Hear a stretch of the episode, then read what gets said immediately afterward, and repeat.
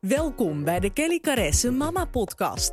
De podcast vol eerlijkheid over het moederschap, de struggles, de mooie momenten en alles daartussenin. Kelly Caresse is al jaren bekend als succesvol vlogger en founder van kellycaresse.nl, waarop ze je een kijkje geeft in haar leven als moeder en vrouw. In deze podcast gaan we verder dan dat, dus neem even een momentje voor jezelf, dan geef ik nu het stokje over aan Kelly, de host van de show. Hey, superleuk dat je luistert naar een nieuwe podcast van Kelly Caresse.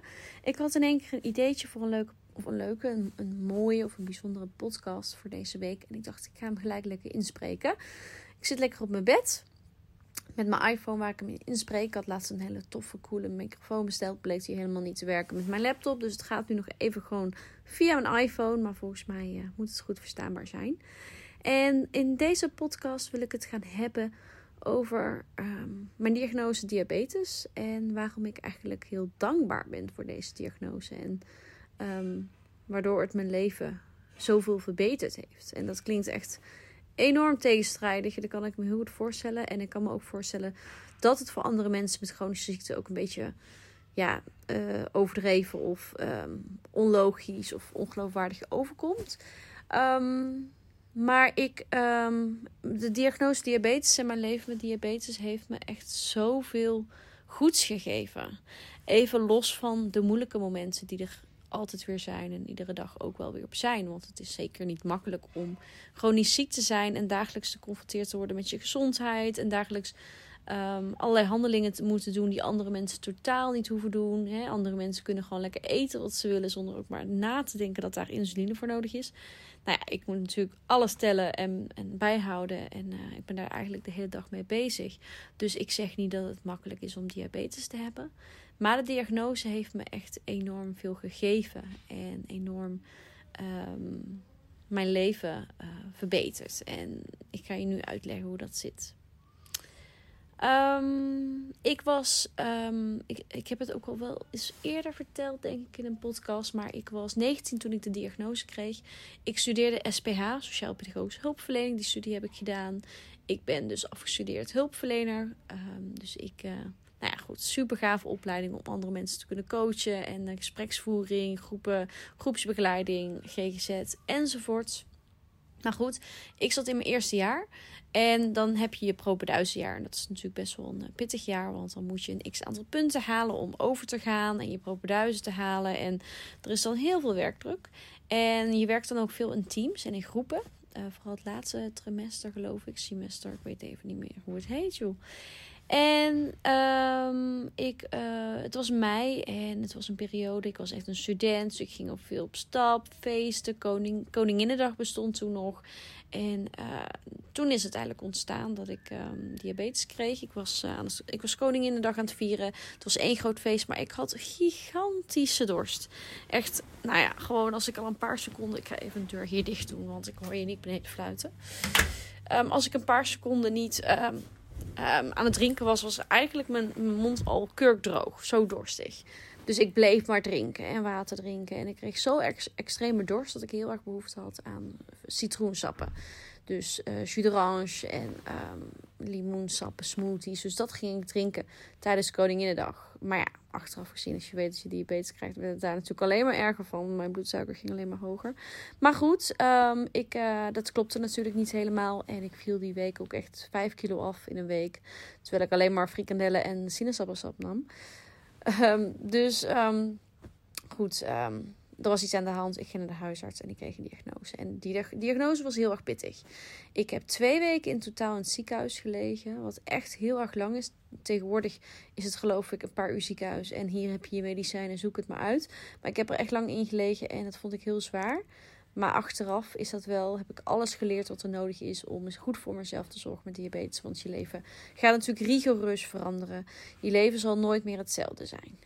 Nu maak ik het weer ineens weer heel dramatisch. Maar ja, bij elke hap die je eet of drinkt, of elke activiteit die je onderneemt, ieder moment ben je eigenlijk bezig met hoe is mijn bloedsuiker? Wat heb ik nodig? Heb ik insuline nodig? Heb ik eten nodig? Hoe staat het ervoor? Medicijnen prikken. Ik heb nu een pomp, dus die moet ik in, om de drie dagen vervangen. Ik heb een sensor, die moet ik elke twee weken vervangen. Ik moet op tijd medicijnen bestellen. Ga ik op vakantie, heb ik een halve apotheek bij me. Noem het allemaal op. Dus mijn leven werd echt enorm veranderd en ik moest alles leren. En ehm, ik was op dat moment single. Ik had geen relatie. Ik was al anderhalf jaar single. Wat op zich helemaal niks raars is als je 19 bent. Of überhaupt niks raars is. Anderhalf jaar is echt niet heel lang. Maar in mijn beleving was ik al heel lang single.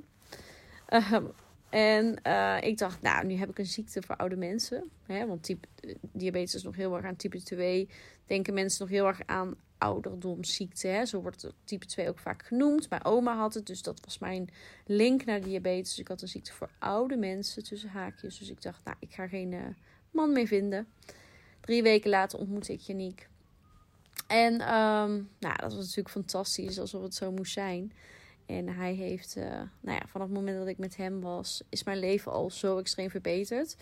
Um, in de zin van, nou ja, goed, ik ben zo gelukkig met hem. We doen alles wat we leuk vinden. Maar de koppeling naar diabetes, um, doordat ik diabetes kreeg op die leeftijd, um, ging er een soort van switch in mijn hoofd om. En, en heb ik heel erg sterk gevoeld van, oké, ik heb een ziekte waarbij we niet weten hoe oud ik word en hoe gezond ik oud word. En in principe zijn de verwachtingen dat ik hartstikke oud word, hartstikke gezond ben. En we gaan natuurlijk totaal niet uit van complicaties. Maar goed, de risico's zijn er dat je op een gegeven moment complicaties hebt. En daarom heb ik toen besloten: ik ga alles uit mijn leven halen wat erin zit. En alles wat ik wil doen op zo'n jong mogelijke leeftijd doen. En niet uitstellen tot later. Want je weet nooit hoe later eruit ziet. Dus zo zijn wij daardoor bijvoorbeeld heel bewust, heel jong gegaan voor het moederschap, ouderschap. Uh, ben ik uh, gaan ondernemen. Ik, ik, studeerde, ik heb mijn studie afgemaakt, maar tijdens mijn studie ben ik dus zwanger geworden tijdens het afstuderen. Hè. Dat was echt een bewuste keuze uh, tijdens het laatste half jaar. En ben ik dus mijn blog begonnen. Wat ik in eerste instantie heel spannend vond natuurlijk. Van hoe, wat zullen mensen er wel niet van vinden?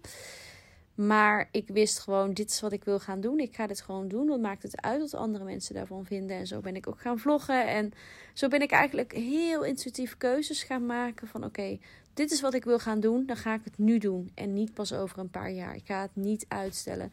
Ik ga niet mee in die red race van de maatschappij. Die van me verwacht dat ik eerst mijn studie afmaak. Dan een baan vind. Een goede baan moet hebben. Een huis kopen. Dan trouwen. En dan een keer kinderen. En en zo eigenlijk iedere week aan het aftellen ben tot het eindelijk weekend is en ik kan doen waar ik zin in heb.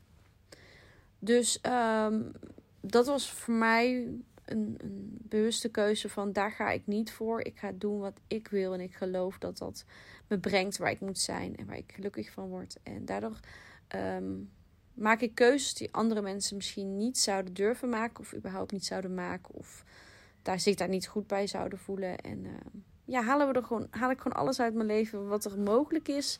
Ondanks dat dingen spannend zijn, ondanks dat dingen eng zijn. Maar diabetes heeft me echt doen inzien van... oké, ik leef maar één keer. Net als ieder andere mens natuurlijk, hè. Um, maar we weten niet hoe het eruit gaat zien in de toekomst. Dus laten we genieten van ieder moment. En uh, doen waar wij blij van worden. En zo kregen we in vrij korte tijd drie kinderen. Uh, we zijn dat jaar, we zijn getrouwd. Um, en natuurlijk hadden we nog langer kunnen sparen voor die bruiloft. En natuurlijk, um, nou ja, goed, zo zijn er nog veel meer dingen die anderen misschien later of anders hadden gedaan. Maar het heeft me voor mij recht voor gezorgd dat ik ieder moment kies waar ik blij van word. En um, nu lijkt het allemaal alsof ik één grote positieve, happy de peppy, um, ja, vrolijke uh, eend ben. Ik weet even geen goed woord hiervoor. Want er zitten genoeg downs eh, bij. En juist die zijn ook nodig om ups te kunnen ervaren. Zo geloof ik dat ook. Dus je moet ook moeilijke momenten kennen. Om het leven nog meer te waarderen en te genieten van de goede momenten. En dat hebben jullie in deze podcast, denk ik, dan ook ruimschoots meegekregen. Hè? In eerste instantie de mommy burn-out. Omdat ik misschien in korte tijd ook wel heel veel heb gedaan. Um, en iets te veel dit motto heb nageleefd. Maar daar heb ik heel veel van geleerd. Ben ik voor een therapie geweest. Heb ik coaching voor gevolgd. Ben ik heel erg de reis in mezelf aangegaan. En um, ook dat was blijkbaar nodig om te leren waar ik nu moet staan. En wat ik nu mag gaan doen. Um, dus voor mij is diabetes een enorme gift als het ware. Waarin ik iedere dag besef ik ben, ik, ik, ik ben zo gezegend met wat ik heb. En ik, maak de keuzes waar ik blij van word. En um, ik geloof persoonlijk ook, en ik weet dat, dat heel veel mensen dit misschien zweverig vinden. Of um, dat totaal niet zo zouden zien. Maar ik geloof ook dat ik dit heb gekregen met een reden. Ehm, en dat, ik zeg niet dat dat voor alle mensen met diabetes of chronische ziektes geldt. Ik heb het puur even over mezelf en hoe dat voor mij voelt en hoe ik dat voor mezelf kan verklaren. Maar diabetes is een ziekte waarbij je ieder moment van de dag heel bewust voor jezelf moet zorgen. Heel goed je grenzen moet bewaken. Heel goed moet aanvoelen wat kan ik wel, wat kan ik niet. Um, waar heb ik genoeg energie voor? Je hebt, hè, doordat je chronisch ziek bent, is je energie ook um, misschien niet, niet even optimaal als gezonde mensen tussen haakjes. Dus ik moet bewuster kiezen. En ik heb het idee dat voordat ik diabetes had, was ik nog meer iemand die. Mm, ik denk, laat ik het goed zeggen, ik denk dat ik iemand ben die uh, heel snel over haar grenzen kan gaan. En dat, dat diabetes voor mij ook mijn, mijn interne radar is van continu bewust zijn. Hoe voel ik me? Wat heb ik nodig? En hoe meer ik luister naar wat ik nodig heb en wat goed voelt voor mij, hoe beter het met mij en mijn diabetes gaat en hoe gelukkig ik ben. Grote maag, diabetes is echt een hele ingewikkelde ziekte. Ehm, gaat er hier toevallig een of ander griepje, en dan heb ik het niet over het coronavirus, alsjeblieft. maar gaat er nu een heel klein licht griepje, waardoor ik een beetje aan het niezen ben, uh, de lucht in, dan gaan mijn diabeteswaardes gelijk uh, omhoog. Of menstruatie doet ook gelijk wat. Of uh, veranderend voedsel. Of nou ja, een, een, onderliggend virusje wat je misschien nauwelijks merkt, maar wat toch effect heeft. Dus het is niet zo dat het continu te maken heeft met, oh, dan ben ik over mijn grenzen gegaan als mijn suiker hoog is. Soms is het gewoon heel moeilijk om in te schatten wat je eet. En voeding verandert ook. En soms lijkt iets heel gezond, blijkt het niet te zijn.